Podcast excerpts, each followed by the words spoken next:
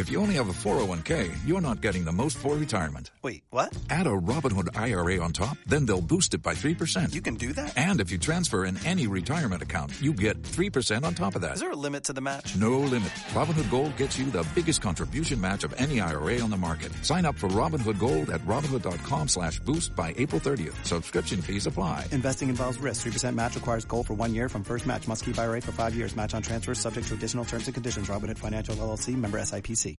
Bona nit, són les 10, comencem el Marca't un canyo.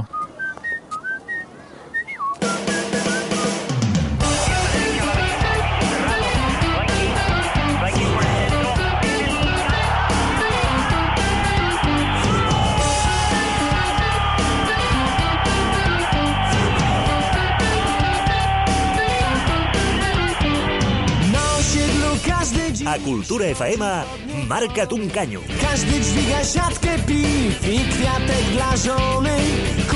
Participa al programa a través del Twitter a arroba marcatuncanyo o a facebook.com barra marcatuncanyo.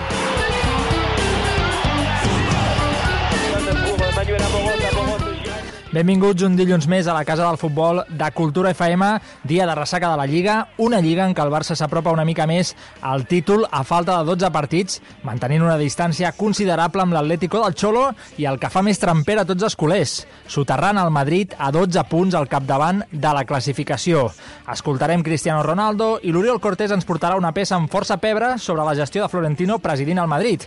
La crisi s'ha instal·lat definitivament al Bernabéu i en parlarem avui a la nostra taula de de debat.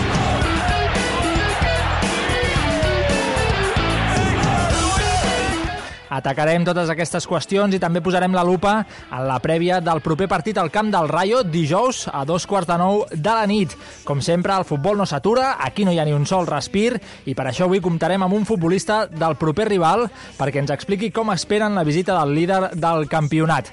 Tenim esperant ja Raúl Baena, un jugador que s'ha enfrontat diverses vegades al Barça i amb el que descobrirem més sobre aquest Rayo de Paco Gémez. Però això serà més tard, així que prohibit desconnectar la ràdio, els smartphones o el que tingueu a mà per escoltar-nos, perquè avui ens ho passarem bé.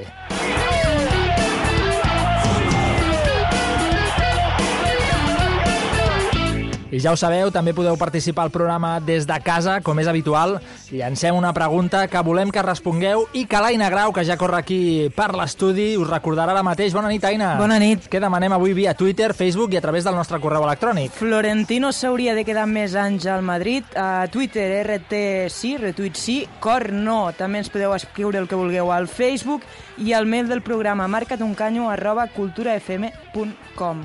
Al final del programa llegirem les vostres opinions, els vostres comentaris i repassarem el resultat de la votació a Twitter. I recordem que avui, com aquell qui diu, acaba febrer i comença el mes de març. Així que sortejarem la revista Panenca d'aquest mes entre tots i totes les persones que contesteu a la pregunta. Tan simple com fer un, un retweet, un like o escriure'ns una resposta escrita al Facebook o si sou més tradicionals correu electrònic, eh, facilíssim, no? Facilíssim, facilíssim, de veritat. Gràcies, Aina. Ja ho sabeu, guanyar una revista futbolera com la Panenca es ho fent polles al mercat.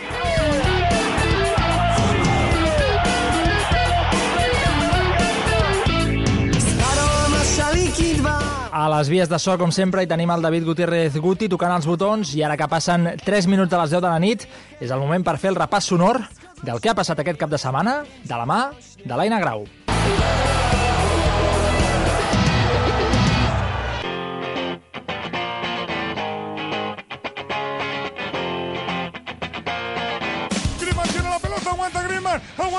Griezmann, se la pone a Felipe, Felipe a Griezmann, chuta Griezmann, gol. Gol, gol, gol, gol, gol, gol, gol, gol, gol, gol, gol, gol, gol.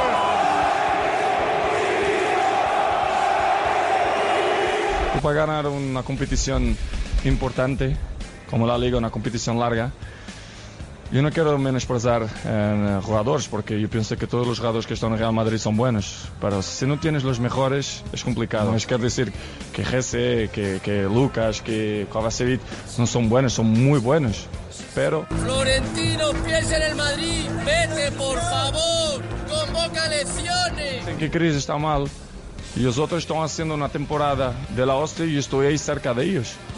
Estou muito cerquita de e estou mal, como vosotros dicen siempre. A mí me molesta porque vosotros parece que es una perseguición que me hacen. que Cristiano ha bajado y por eso que Madrid. No. Si todos estuviesen a mi nivel, estábamos en primera a lo mejor. Se hablaba de un efecto Zidane, seguimos tercero igual que, que con Benítez y es la gana que le he hecho a los jugadores. Si los jugadores no tienen ganas, no se hace nada. Porque iba a ser más torpe de todos, ¿no? O una de dos, o no se enteraba de lo que pasaba, o era muy listo y no lo han pillado, ¿no? Pues yo me quedo que voy a ser más torpe, que no se enteraba de nada, ¿no? Pues lo que me dice la ley, eh, que no puede jugar en la, en la Liga Española ni el Barça, ni el Español, ni el Nastic, ni el, ni el Girona, ni el Sabadell, serían muchos clubes los que se sentirían perjudicados porque la ley del deporte no lo permite.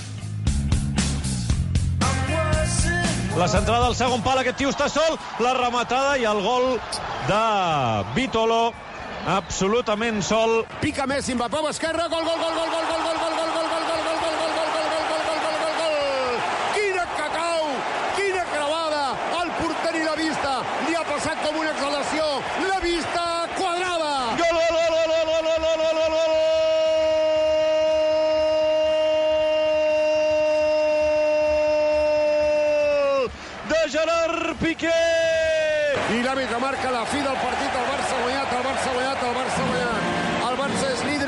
66 punts. El Barça és líder amb 8 punts més que l'Atlètic de Madrid i 12 més que el Madrid.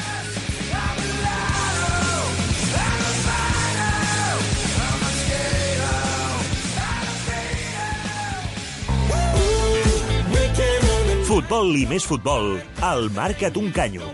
Cada dilluns de 10 a 11 de la nit a Cultura FM.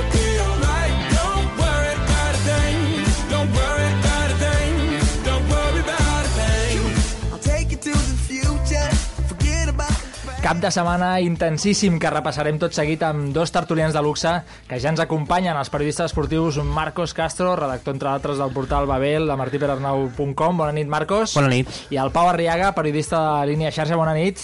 Què tal, Uri? Bona nit. Molt bé, avui tenim la taula de debat plena de coses, el partit del Barça contra el Sevilla, la deriva del Madrid, Cristiano i les seves sortides de to, una peça sobre els mandats de Florentino al club, al club blanc que us agradarà segur, i com que això no s'atura, tota la prèvia del Rayo Barça de dijous. La tertúlia del Marca't un canyo.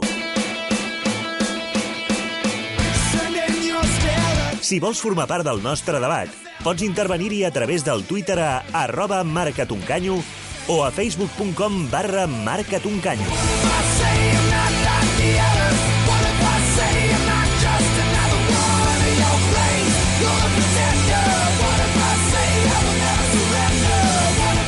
Victòria treballada del Barça 2 a 1 contra el Sevilla, l'Atlético a 8 punts, el Madrid a 12, rècord d'imbatibilitat amb 34 partits invictes. Què més es pot demanar, Marcos Castro? Doncs res més, no? Eh, la trajectòria de l'equip és espectacular eh, i fins i tot quan no fa bons partits, com, com crec que va passar ahir, no?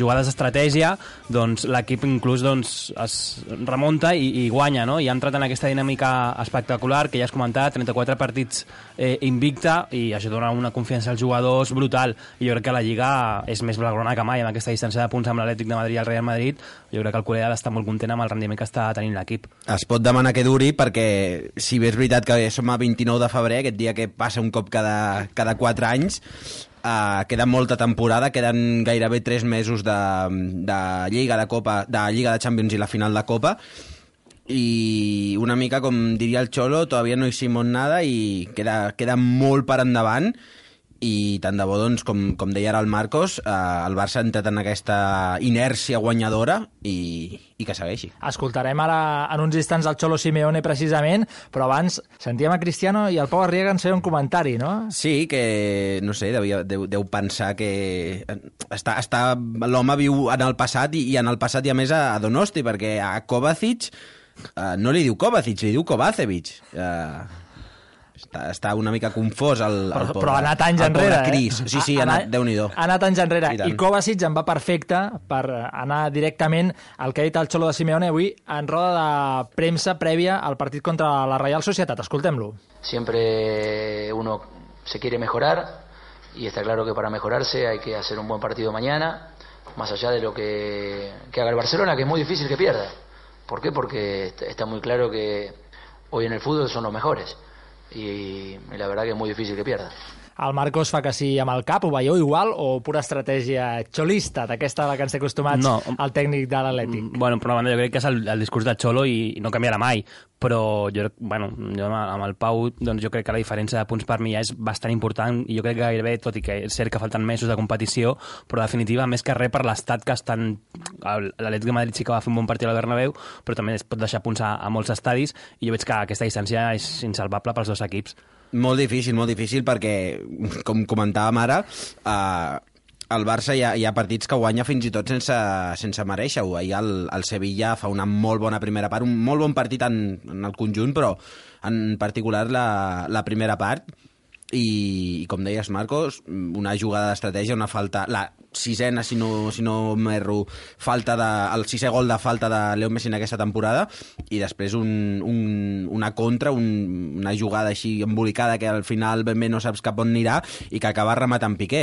El Barça, mm, jo crec que psicològicament això els equips ja segurament quan juguin contra el Barça ja pensen, ostres, és que realment ens ha de sortir tot molt bé i que els tres de davant, o el Piqué, que últimament també fa gols, Rakitic, Iniesta, que torna a estar finet-finet, uh, no tinguin el seu dia, perquè... Setena vegada que el Barça remunta un gol en contra al Camp Nou. I recordo molts, molts partits també, el que tu comentes a l'Auri d'aquestes remuntades, sense anar més lluny, el partit de, de la final de la Champions també, remuntant aquell gol de, de la Juventus, i això era una cosa que, si us en recordeu, a la- a l'època de Pep Guardiola l'equip costava més, psicològicament li costava més afrontar aquest tipus de- d'episodis al- als partits, i sí que és cert també que, que de cara al rival ha de ser, bueno, mm, què faig? Perquè no els puc aturar. Vull dir, si, quan estava Messi únicament, doncs, bueno, doncs, ojalà que, que Messi no tingui un partit, perquè així anul·lem un gran, gran part del Barça, però és que ara ha de coincidir, doncs, no sé si quin entrenador va ser la setmana passada, no sé si va ser el del Llevant, no me'n recordo, que deia que al final són, al final els, els tres bèsties que tens al davant, crec que era el de les Palmes que, que ho va dir, que al final doncs, ha de coincidir que Neymar, Suárez i Messi no tinguin un, un, un, bon, un bon partit, i això gairebé és impossible. Més enllà de que per mi la columna vertebral de l'equip amb un Sergio Busquets, Busquets espectacular i un Piqué que, que això, i més enllà de les aturades de Bravo, eh? però aquesta columna, aquests jugadors que estan a un nivell tan alt, fan doncs, que aquest equip doncs, tingui la distància que té a la Lliga. Equip fiable, tot i els quatre relleus que va tenir sobre el camp. Vau entendre els canvis? Tocaven? No tocaven? Ho dic perquè a final de partit gairebé acaba jugant l'11 de gala. A mi em va sorprendre el, el, el canvi d'Alves per Aleix, més que pel canvi en si, pel minut, perquè era el minut 10 de la segona part, si no, si no recordo malament. Aleix no, no havia estat especialment bé, però ni, no, no li recordo que para d'anar Bueno, al... el, el gol sí que arriba per la seva Sí, banda. és una centrada des de l'esquerra que remata I crec que Vitolo. també, no sé qui, perdona que talli, però que, no sé qui comentava també que és una mica el mal que també pateix Alves, d'aquesta esquena, llavors mm, suposo que Aleix Vidal, com té aquesta projecció ofensiva, també fa que s'oblidi una mica d'aquesta part que el Sevilla va, va saber explotar molt bé en el primer gol. Mhm. I no sé, i dubto que Luis Enrique el, el sentés per això, eh? Pot ser, dels, però... de fet, dels quatre titulars, eh, dels quatre laterals que podríem considerar titulars del Barça, tant eh, Aleix i Alves com Alba i Adriano, dos no són mm, laterals nats, són gent reconvertida, i tant Alves com Adriano tenen una, una vocació ofensiva claríssima. I molts cops aquest és el problema, que els centrals i Busquets han d'estar molt, molt, molt atents a les vigilàncies, perquè si no mm, la defensa queda totalment desprotegida i per aquí poden venir molts, molts gols. Ahir Iniesta, per cert, deixeu-me fer un apunt absurd, potser, però déu- déu-n'hi-do aquest nou look de- d'Andrés Iniesta, eh? Recordava algun dibuix animat... Eh, No Krilin, potser? Potser, potser una mica, potser una mica. No, però fent l'apunt fent l'apunt absurd, al final és que aquest Barça és fiable 100% perquè no para de guanyar tot i això, tot i els resultats adversos, tens aquella sensació de que a l'equip no se li escaparà la victòria en cap, eh, en cap dels partits, encara que se li posin per davant. I a més l'equip físicament està molt bé, vull dir, eh, estem encara mes de, mes de febrer i jo espero que al mes d'abril que són, tindrem Champions, tindrem una final de Copa que per cert serà un rival dificilíssim amb el, amb el Sevilla, doncs l'equip està funcionant molt bé. Hi ha encara rols de jugadors, Arda Turan, per exemple, no sé què pensarà el Pau, a mi el rol d'Arda encara amb Justi, no sé, no, no, no m'acaba de convèncer molt, suposo perquè no, encara no ha trobat el seu joc a l'equip, perquè ell també sap que és bueno, que parteix de suplent, perquè Iniesta i Rakitic són els interiors titulars, i jo aquí sí que tinc més dubtes. el llenguatge Barça, això tan maní, tan que s'escolta sempre, en un mes i dos mesos gairebé que porta Arda jugant, evidentment això encara no s'ha pres, i per molt que porti des de l'agost treballant amb tot l'equip, se li nota que li falta aquesta espurna. Hi havia jugades que, que abusava potser massa de conduccions. Que això ho feia molt l'Atlètic de Madrid. Exacte, clar.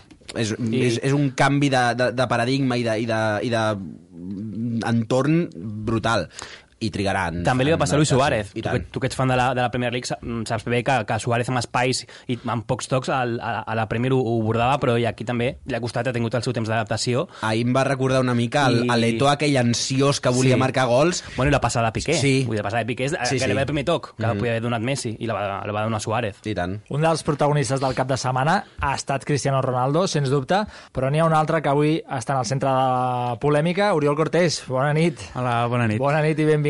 Avui t'has centrat en la figura de Florentino Pérez. Sí, perquè el Madrid de Zidane gairebé ha dit adeu a la Lliga després de la derrota al Bernabéu davant l'Atlético per 0-1. Els blancs estan ara a 12 punts del Barça i el públic del Bernabéu va tornar a esclatar contra el president, Florentino Pérez.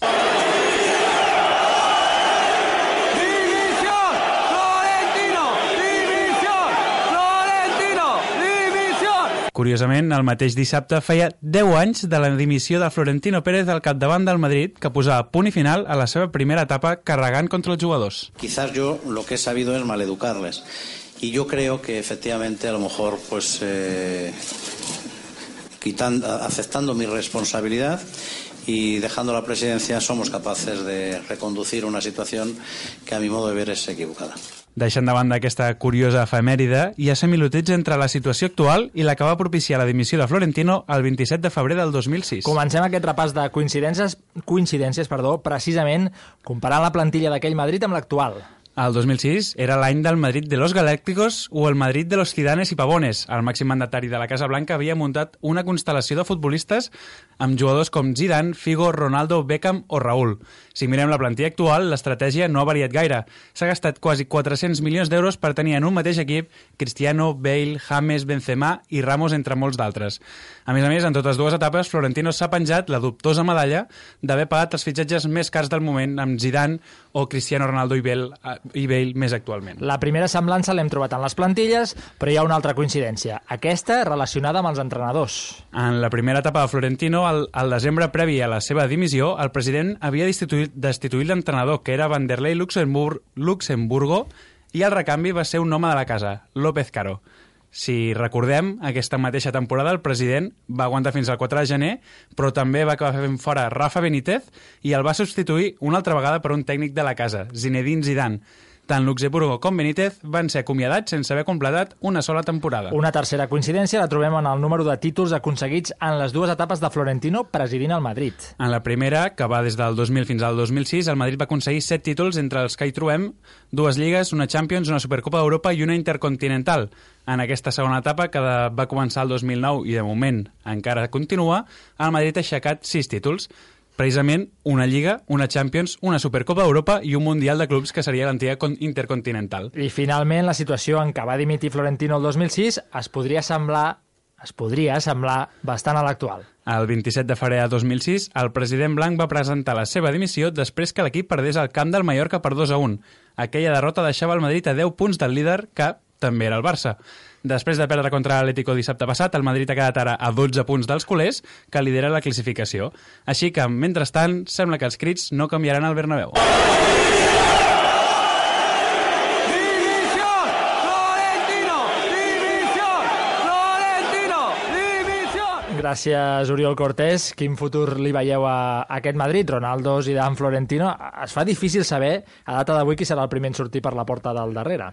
Sí, i perdona, Uri, t'has deixat el número 1 al, a la llista Forbes, que això no ha sortit enlloc, Bueno. bueno. però és vital pel model esportiu de, de Florentino. Conya, conyes a banda, mm, és fins i tot inquietant aquesta situació que viu el Madrid, repetint les, les errades del passat, uh, però això jo crec que no, no el fa més perillós perquè mm, jo procuro no, no dir ostres, és que quan el Madrid està aquí en una situació dolenta tal, són més perillosos, no. Però amb, amb l'equip que tenen fora de la Copa amb el famós incident de Cherisev a 12 punts a la Lliga mm, evidentment apostaran a, a, aniran amb tota la, a la Champions. Els vuitens els tenen bastant encarrilats eh, després del 0-2 a, a l'Olímpic de Roma i és això, o sigui, estan a 5 partits de poder lluitar per l'undècima. Jo coincideixo amb el Pau perquè eh, hem de recordar el Madrid de la setena o de la vuitena, que al Madrid, al- a la Lliga vam, no sé, van quedar 600, 700, 800, vull dir, o 500, vull dir, vull dir molt, molt, molt lluny dels, de les primeres posicions i, i té jugadors d'una qualitat impressionant però tot el que està rodejant... A mi el, el, el personatge de Florentino Pé- Pérez m'encanta. Vull dir, és que no, no sé com agafar-ho ja. I, i me'n recordo l'entrevista que li va fer el Jordi Évole perquè va ser un retrat molt, molt proper al que realment és aquesta persona. Vull dir, perquè és un, un senyor de negocis que porta 30 anys eh, lucrant-se a, a, a través de les seves, de les seves empreses i, i bueno, doncs, sí que és cert que, que, que el Real Madrid durant cert temps eh, l'ha portat a ser doncs, allò que comenta ell el millor el mejor equipo del siglo XX però vull dir, per l'aficionat culer és perfecte que, que Florentino Pérez continuï al Real Madrid perquè a més no té cap tipus de projecte. Vull dir, tu preguntes el model institucional que té el Real Madrid o esportiu i no el sabem perquè cada entrenador és diferent i cada entrenador és del, de la, del seu pare i de la seva mare. Per tant, mm, sí que és cert que per al món del periodisme esportiu mm, això don- dona molt joc perquè no sap si al final es podrà podrà dimitir o no, perquè és curiós sentir totes les veus de Florentino dimissió, però quins mecanismes té el Real Madrid per ficar un altre president que no sigui Florentino Pérez? Cap. Ara mateix cap, perquè els estatuts manegats pel senyor Florentino Pérez ho fan Vull dir, molt difícil. Que ens queixem de Bartomeus i Laportas que hem tingut aquí al Barça i- o de José Luis Núñez, però eh, jo crec que a, a nivell de, de democràcia, vull el Barça jo crec que, que ha apostat més per un model més eh, d'ajuda al soci i més, més, més transparent que no el del Real Madrid. Ningú farà cap imitació de Núñez. No, és que ho ha Bueno. dit, ho ha dit i he esperat el moment. Por lo tanto, no? D'acord, gràcies. és, és el que passa. Quan tu vas a una tertúlia esportiva i algú diu Núñez, per darrere Sí. sí. sona a través Ha d'un micròfon... ha sigut sense voler, vull dir, Que gir, eh? Aquestes que coses que, vingut. que passen. No, el titular està dos clar... Eh, perdó, el titular està molt clar, com tinc la boca avui, eh? Marcos Castro, dos punts. A mi m'agrada molt Florentino Pérez. sí. Per mi el titular és aquest. M'ha semblat increïble. Uh, no sé si sabeu, avui el Confidencial Digital, un diari digital, ha avançat aquest matí la intenció de Florentino Pérez de dimitir, convocar eleccions a final de temporada. Ho preguntem avui a les xarxes i via correu electrònic i ho trasllado a la taula. El millor que li pot passar a aquest Barça és que Florentino no plegui, Marcos, Pau. Mm, jo és que no, no el veig plegant, malgrat repetir aquestes, aquestes errades que el van portar a, a sortir per la porta de darrere fa, fa uns anys i com, i com deies ha canviat els estatuts perquè el, el presidenciable hagi d'avalar el 15% del pressupost, que són més, més o menys uns 70 milions d'euros, a més ha de ser uh, 15 o ha ha d'acreditar molts anys de- d'antiguitat de soci i clar, la, la llista de, de possibles candidats es redueix moltíssim i si em permets, Uri, un petit somni que m'agradaria és José María Aznar presidint el Madrid, això seria gl gloriós. Uf. Seria gloriós. Ara, no us ha fet com mal, això? Sí. Jo, jo dient-ho era com punxadeta, però... Sí. La cara de bici que se Sí. t'ha posat és, és Aquell- increïble. Aquell bigoti que hi era i ara ja no hi és... Sí. Inquietant, Sí. eh, la desaparició del bigoti. Del bigoti. De fet, ara hem descobert tots el favor que ens estava fent Podria, aquell bigoti. podria fer Aznar una competició d'abdominals contra Cristiano Ronaldo. Això seria brutal, no sé, no, no, tin- no tindria preu. Brutal no, el següent. Ens falta per sentir el, el, Marcos, No, el jo, Marcos. Jo crec que aquesta decisió de, de Florentino pot anar molt en relació al, a l'èxit o fracàs es- esportiu que tingui l'equip dels mesos que queden. Òbviament, ja fan sense, sense possibilitats a la Lliga i a la Copa, eh, en funció de què faci a la Champions, jo crec que decidirà, i també en funció del, del tema econòmic, de quines incorporacions pugui fer a l'equip, perquè això Florentino cada estiu ho fa. Aina, la gent pot seguir responent a la nostra pregunta fins al final del programa. Sí, tant recordem la pregunta. Florentino s'hauria de quedar més anys al Madrid? Retuit sí, cor no a facebook.com barra marcatuncanyo o al mail del programa marcatuncanyo arroba culturafm.com. Marca't un canyo. Els dilluns de 10 a 11 de la nit a Cultura FM. Escolta'ns al 107.5 FM de Barcelona, al 103.2 de Sabadell, en streaming i també a la TDT.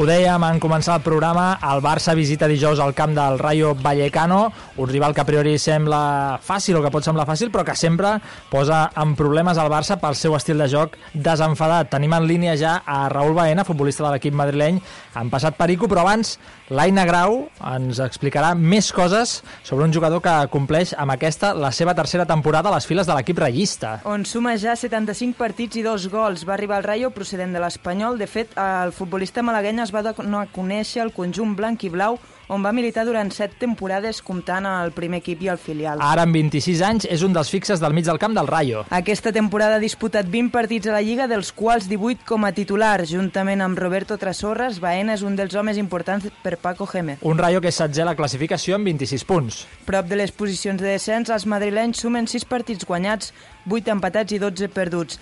Rebran el Barça aquest dijous amb una ratxa de 3 empats consecutius. Hi ha 5 minuts per arribar a dos quarts d'onze de la nit. A Madrid ja ens espera Raúl Baena. Bona nit, buenas noches, Raúl. Hola, buenas noches. Oye, menudo partido el del sábado contra el Betis, ¿eh? La remontada made in Manucho en cuatro minutos fue antológica. Sí, sí, sí. Y el partido anterior contra, contra el Sevilla también se nos puso cuesta arriba y, y logramos también sacar un punto. Así que, que bueno, eh, un punto después de ir perdiendo 2-0 está bien. El, el, sábado fuiste suplente ante el Betis, pero como contábamos antes, eres un fijo para Gémez. Es, ¿Esperas ser titular el jueves frente al Barça?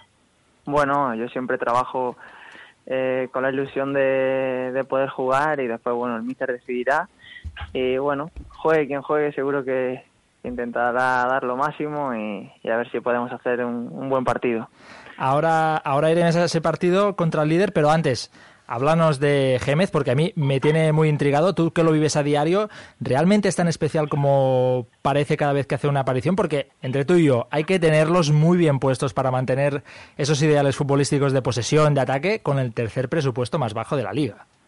Sí, bueno, yo creo que él, él siempre habla muy claro y bueno, eh, yo creo que año tras año no solo hablar, ¿no? sino que se está demostrando que, que bueno, juguemos contra quien juguemos, pues tenemos nuestra idea muy clara y, a raíz de eso pues intentamos pues pues sacar el máximo partido y conseguir los máximos puntos posibles. Sí que es verdad que con, con rivales como, como el de este fin de semana, bueno, el del, del jueves como el Barcelona, pues es complicado, pero nosotros no, no renunciamos a nuestra idea y, y vamos a intentar pues, pues que salga un buen partido y, y ganar también pero da, da la sensación de que os mete caña, Paco, en el vestuario.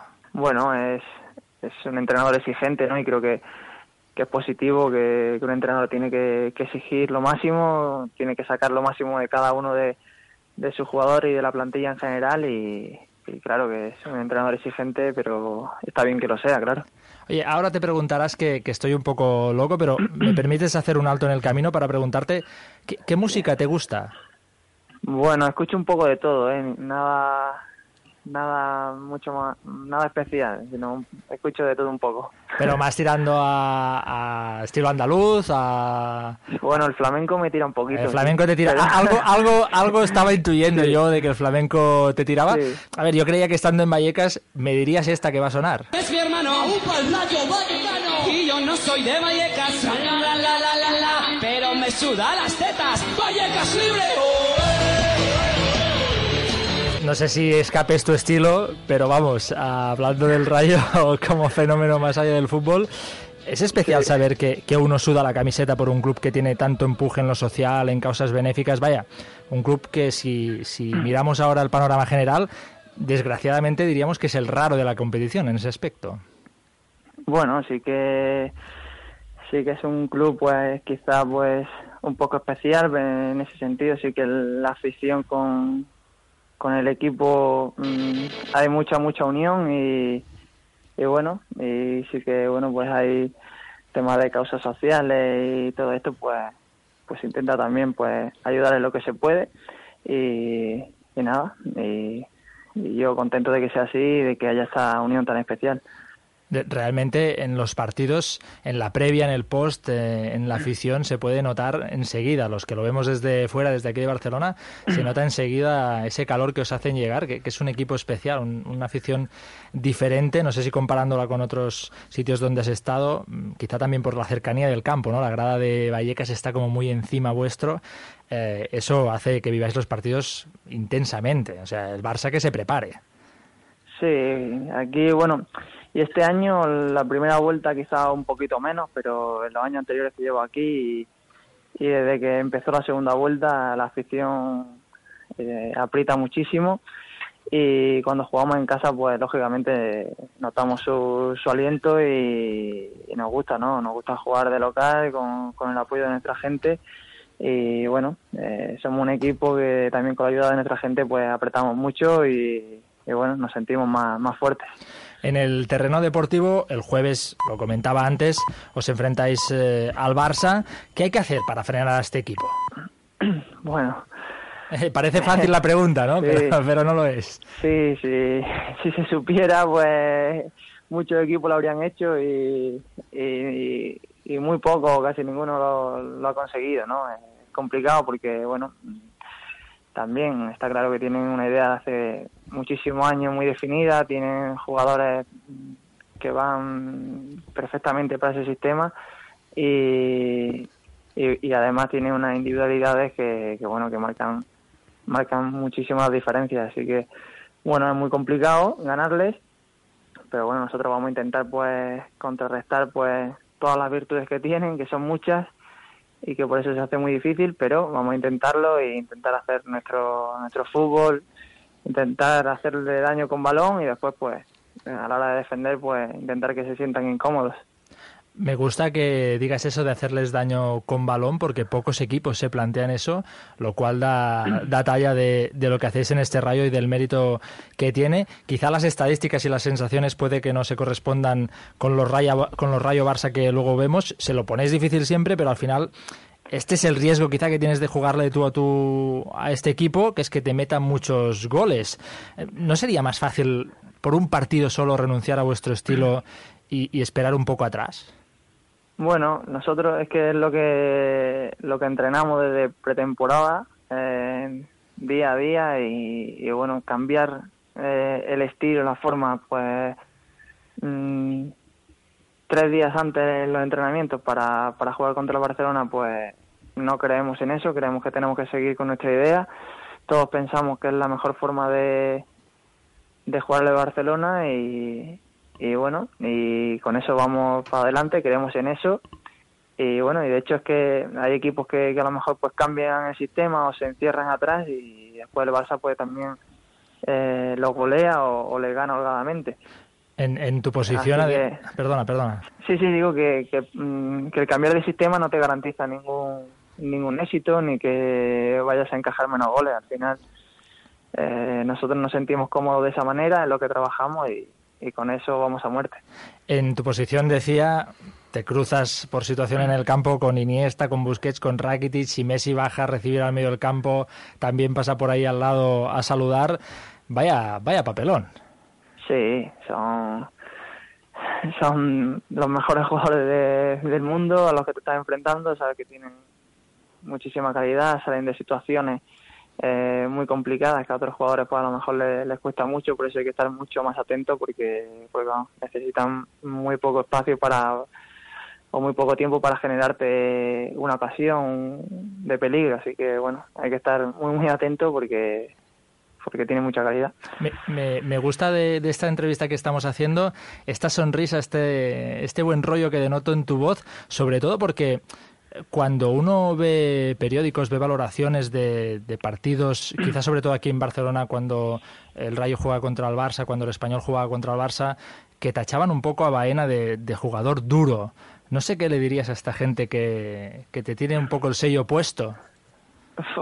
Yo no, no tengo que decir nada a, a la gente que piensa así. Bueno, cada uno puede pensar lo que quiera siempre intento dar lo máximo para, para mi equipo, intento hacer lo que creo que tengo que hacer en cada momento y, nada más. Intento dar el 100% cada partido. El que me ve cada semana pues sabe cómo, cómo soy y, después pues bueno, que pueda haber lances del juego en los que haya más roce, menos roce, pues, pues puede ser, eh, pero, pero todo queda ahí y, y nada Nada más. Eh, todo lo que se hable de más, eh, darle vuelta o, o, calentar algo que no, que no tiene sentido ni, ni se lo doy yo ni se lo da nadie más. Lo que pasa en el campo se queda en el campo, supongo. Sí, por supuesto. Cada, cada uno lucha por, por sus intereses y, y ya está, pero pero nada más, nada más. Eh, Ra Raúl, eh, antes de terminar, analicemos sí. brevemente la situación del Rayo en la Liga. 16 avos, a dos puntos del descenso y a dos del Español, próximo rival después del Barça, y tu ex equipo. Para, un, para uno que fue perico como tú, que lo dio todo allí, supongo que se hace difícil afrontar un partido vital en el que sabes que tienes que ganar y que encima, si haces lo que debes, pondrás en una situación complicada a un club que lo fue todo para ti. Supongo que ahí hay una mezcla de sentimientos importante. Sí, bueno, al final yo siempre lo he dicho, le deseo lo mejor al español y, y bueno, que le vaya siempre bien, excepto cuando cuando me enfrente yo a ellos, ¿no? Y creo que, que es lo normal, ¿no? Y yo lucho por los intereses de, de mi equipo y cuando me toque enfrentarme al español, pues voy a dar lo máximo también para, para conseguir la victoria con el Rayo. Ahora, mm, después de ese partido y antes, pues le deseo que, le vaya muy bien y, ojalá pues los dos equipos pues logremos el objetivo, que, que nos salvemos, que estamos ahora peleando por, por la permanencia y, y yo espero y deseo que, que a los dos se nos dé bien. Pues Raúl, oye, nos encanta escuchar que, que, estás tan alegre, que estás tan a gusto en el Rayo, porque desde la distancia se nota este sentimiento. Nosotros también te deseamos suerte en lo que venga, excepto el jueves contra el Barça, si nos lo permites.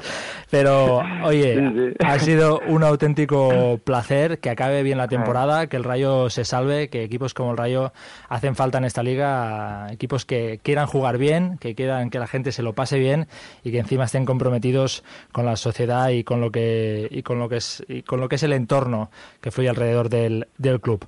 Un abrazo desde Barcelona. Muchísimas gracias, Raúl. Muy bien, muchas gracias. Un abrazo.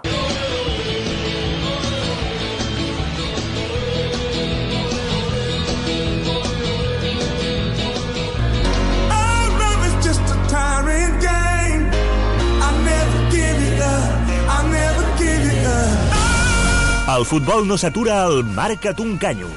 Cada dilluns de 10 a 11 de la nit a Cultura FM.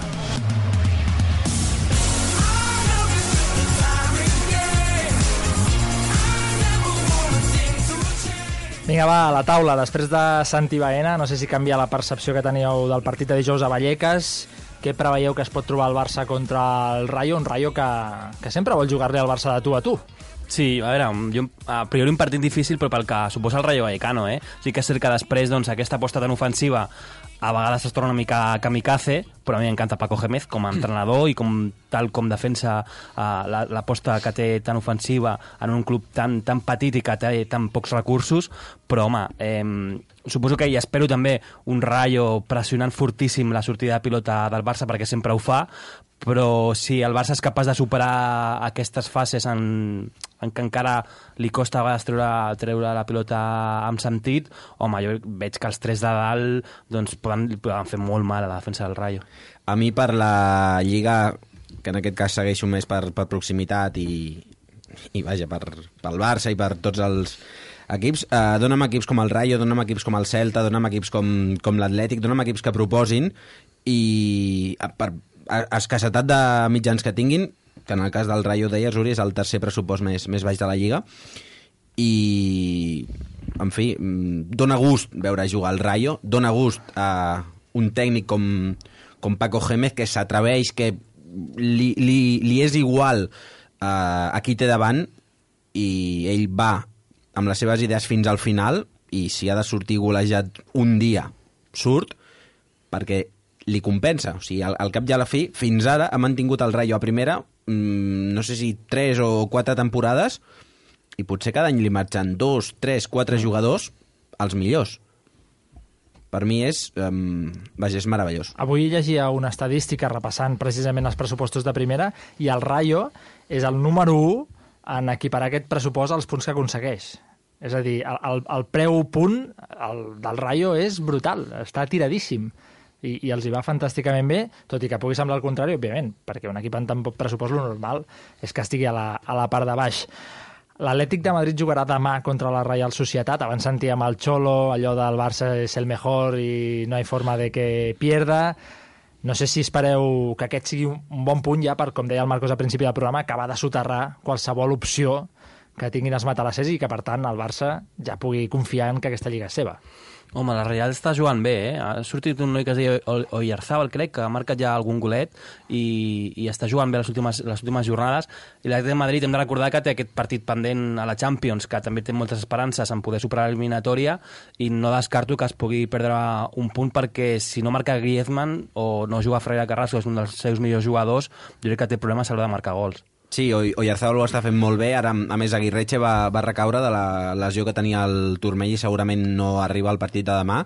Uh, Jonatas tampoc va jugar el cap de setmana i això doncs d'alguna manera redueix les, les opcions ofensives de- d'Eusebio al- a la posició de nou a, a Oyarzabal i, i poca cosa més. I l'Atlético, doncs sí, és això, és mm, exprema al màxim, treure al màxim rendiment els pocs gols que pugui aconseguir perquè, vaja, Torres sí, va marcar el gol 100, però poca cosa més.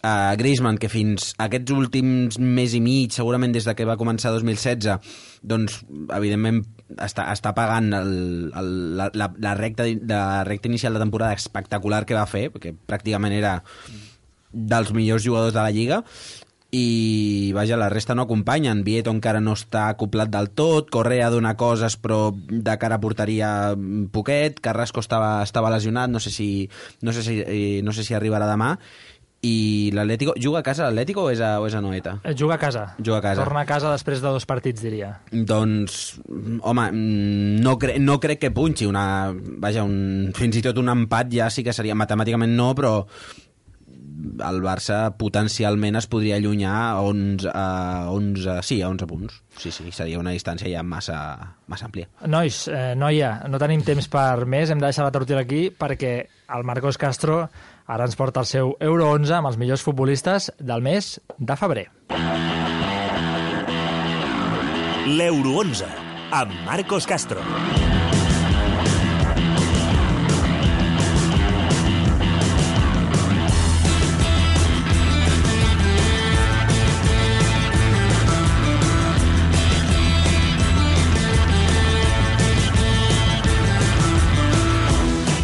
I comencem aquest Euro 11 del mes de febrer amb el eh, repàs que el Marcos ha fet en un equip en un 3-4-3 i engeguem per l'escollit com el millor porter del mes. Sí, comencem per un porter que segurament li agradarà al Pau perquè és més una mica més random, que és Aurelio Gómez del Watford, i és que la Premier League continua demostrant que és una de les competicions on el nivell demostrat pels porters és més alta, i exemple d'això és la gran temporada que està fent Gómez, l'experimentat porter brasiler ja de 35 anys, és titular indiscutible a la porteria d'aquest Watford, i solament ha encaixat eh, 3 gols en els últims 5 partits que ha disputat. La gent a internet ha votat majoritàriament per Peter Cech. Suposo que les aturades a l'Arsenal pesen molt davant d'Aurelio Gómez o de Claudio Bravo, que és estrany que hagi quedat segon, tot i ser culer, i òbviament la majoria de la gent que vota en aquest Euro 11 normalment, pel que sabem, és de Barcelona. Va, continuem amb la defensa, que està situada amb una línia de 3. Sí, eh, tres defenses. El primer és Leonardo Bonucci de la Juventus. El central italià es troba en un estat de forma excel·lent i torna a formar part del millor 11 del mes després de formar part també del, del mes de gener. Autèntic líder de la defensa bianconera, demostra en cada partit el seu caràcter competitiu, col·locació i domini del joc aeri. A més, va ser protagonista a la victòria aconseguida ahir mateix davant l'Inter, marcant el primer gol amb una gran volea a l'àrea petita. El central Gerard Piqué és el segon defensa, el defensa blaugrana és que passa per un dels millors moments de, de la temporada i l'equip ho nota. Les seves qualitats defensives unides a, a l'experiència aconseguida al llarg dels anys fa que sigui una garantia pels seus companys. A més, ara el bon rendiment que sempre ha, ha donat Mascherano, però especialment durant els últims partits a la línia defensiva, demostra que són els dos futbolistes eh, cridats a ser aquesta parella de centrals que, que millor rendiment li pot donar a Luis Enrique. I tanquem la línia del darrere amb un mexicà. Sí, Héctor Moreno del PSV, el conjunt que entrena l'ex Balagrona Filip Cocu està realitzant una excel·lent temporada, lidera la seva lliga amb un punt d'avantatge sobre l'Ajax, solament ha perdut un partit, i, segue, i segueix viu a la Champions League amb aquesta eliminatòria que hem comentat que té pendent davant l'Atlètic de Madrid.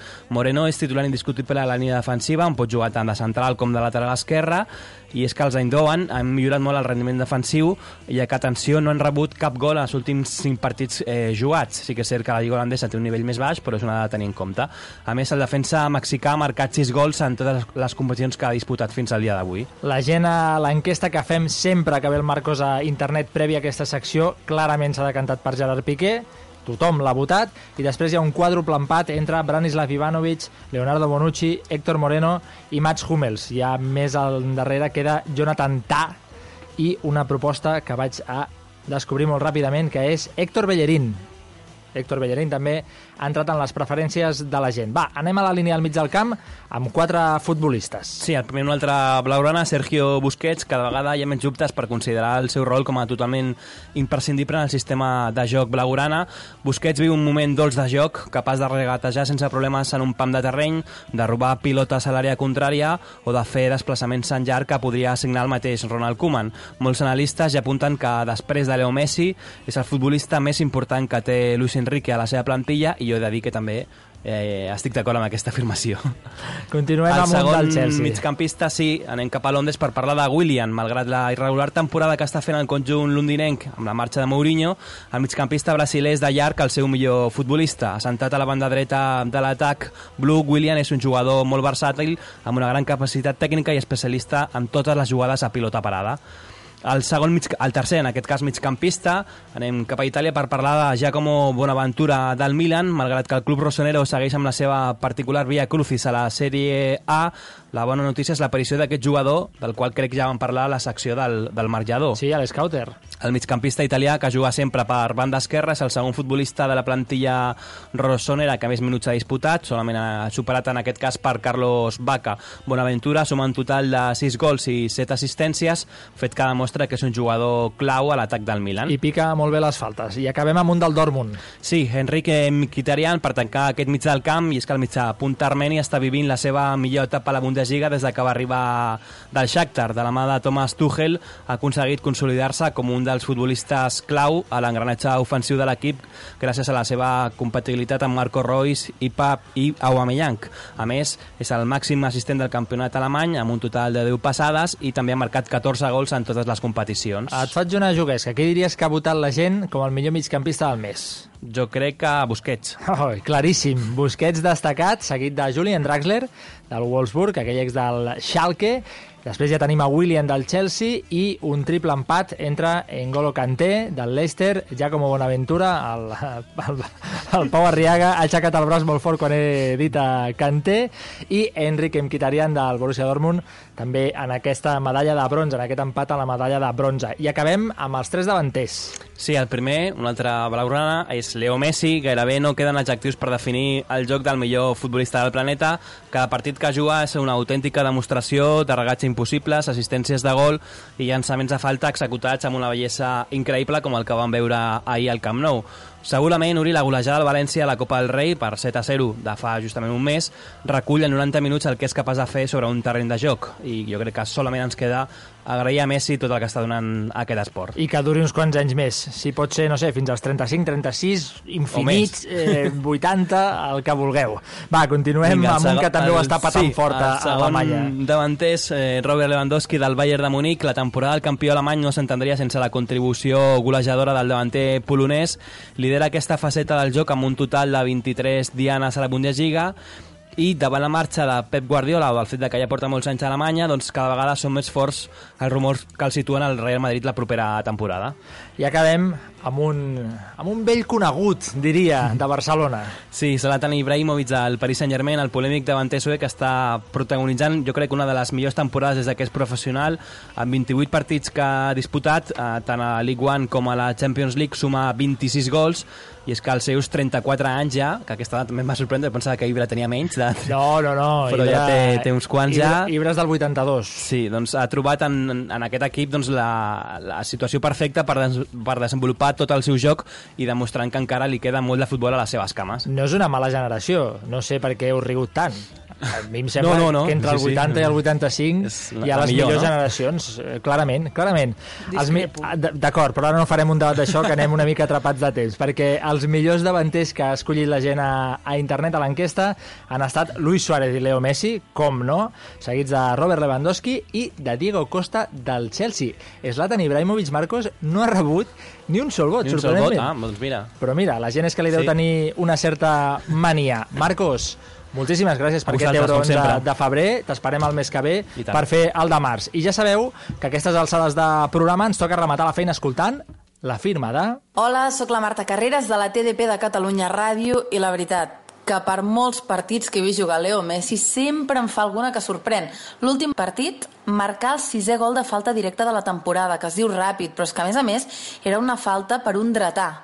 Vaja, per un dretà o per Messi, que pot fer tot el que encara mai hem imaginat. Ell és el màxim exponent de la cara rosa de la moneda, de la cara amable, de la cara del Barça, on tot surt millor del que sembla. I com tota moneda, això del futbol també té l'altra cara, el que sovint anomenem la creu. I mai millor dit perquè el rival de tota la vida està vivint una situació completament diferent a la del Barça. Fa temps que canvien totes les peces del joc, totes menys una. El Tito Floren sempre és allà, eh? Déu omnipresent, tot poderós. Canvia entrenadors i els posa tan diferents com Mourinho, Pellegrini, Ancelotti, Benítez, Zidane. Compra cromos, d'aquells que brillen, de que els nens els canviarien per dos o tres per aconseguir-los a la seva col·lecció, però que a l'hora de la veritat, quan hi pensem, estan perdent valor. I la majoria, si no tots, a l'hora de vendre'ls, cap tindria el valor del preu que van pagar en el seu moment. Que important que és fer una bona brasa per mantenir encès el foc. El Barça fa anys que l'ha començat a fer. En canvi, a 600 quilòmetres d'aquí Barcelona, el Madrid es crema. Només es crema. Dijous, però, tornem a tenir futbol, Rayo-Barça, un partit dels que dona gust veure, Paco Gémez sortirà valent, alguns diuen que temerari, i plantejarà un tu a tu al Barça. D'això no estic segura, eh? Ara, a la que entri el primer, i com que Gémez és més gemista que el papa, continuarà amb la seva valentia, i jo pronostico que en cauran un parell més. Així que, si haig de dir un resultat, 1 a 3.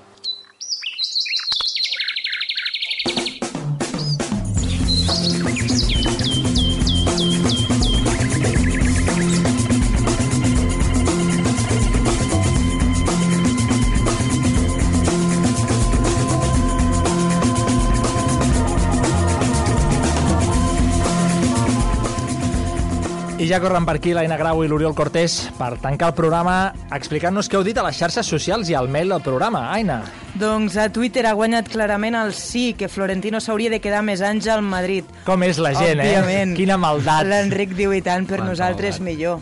Sí, no? La gent, la gent és que és així, perquè saben el que és bo pel Madrid i bo pel Barça. Per tothom. Tots contents. Oriol Cortés, què tenim al mail? Al mail la majoria de la gent també està a favor de que Florentino Pérez es quedi. Hem recuperat dues opinions dels nostres oients. L'Albert ens diu, home, i tant, només cal veure tot el que ha guanyat el Barça amb Florent de president. Quants més, quants més anys s'hi quedi millor.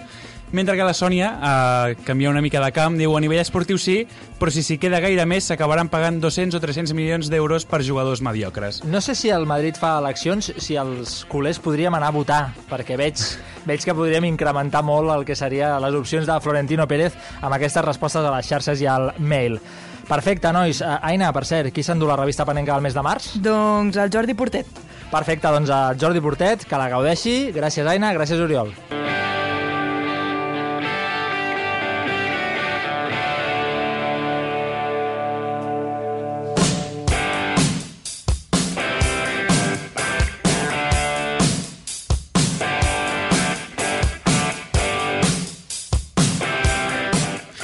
Queden eh, aproximadament 6 minuts per arribar a les 11 de la nit.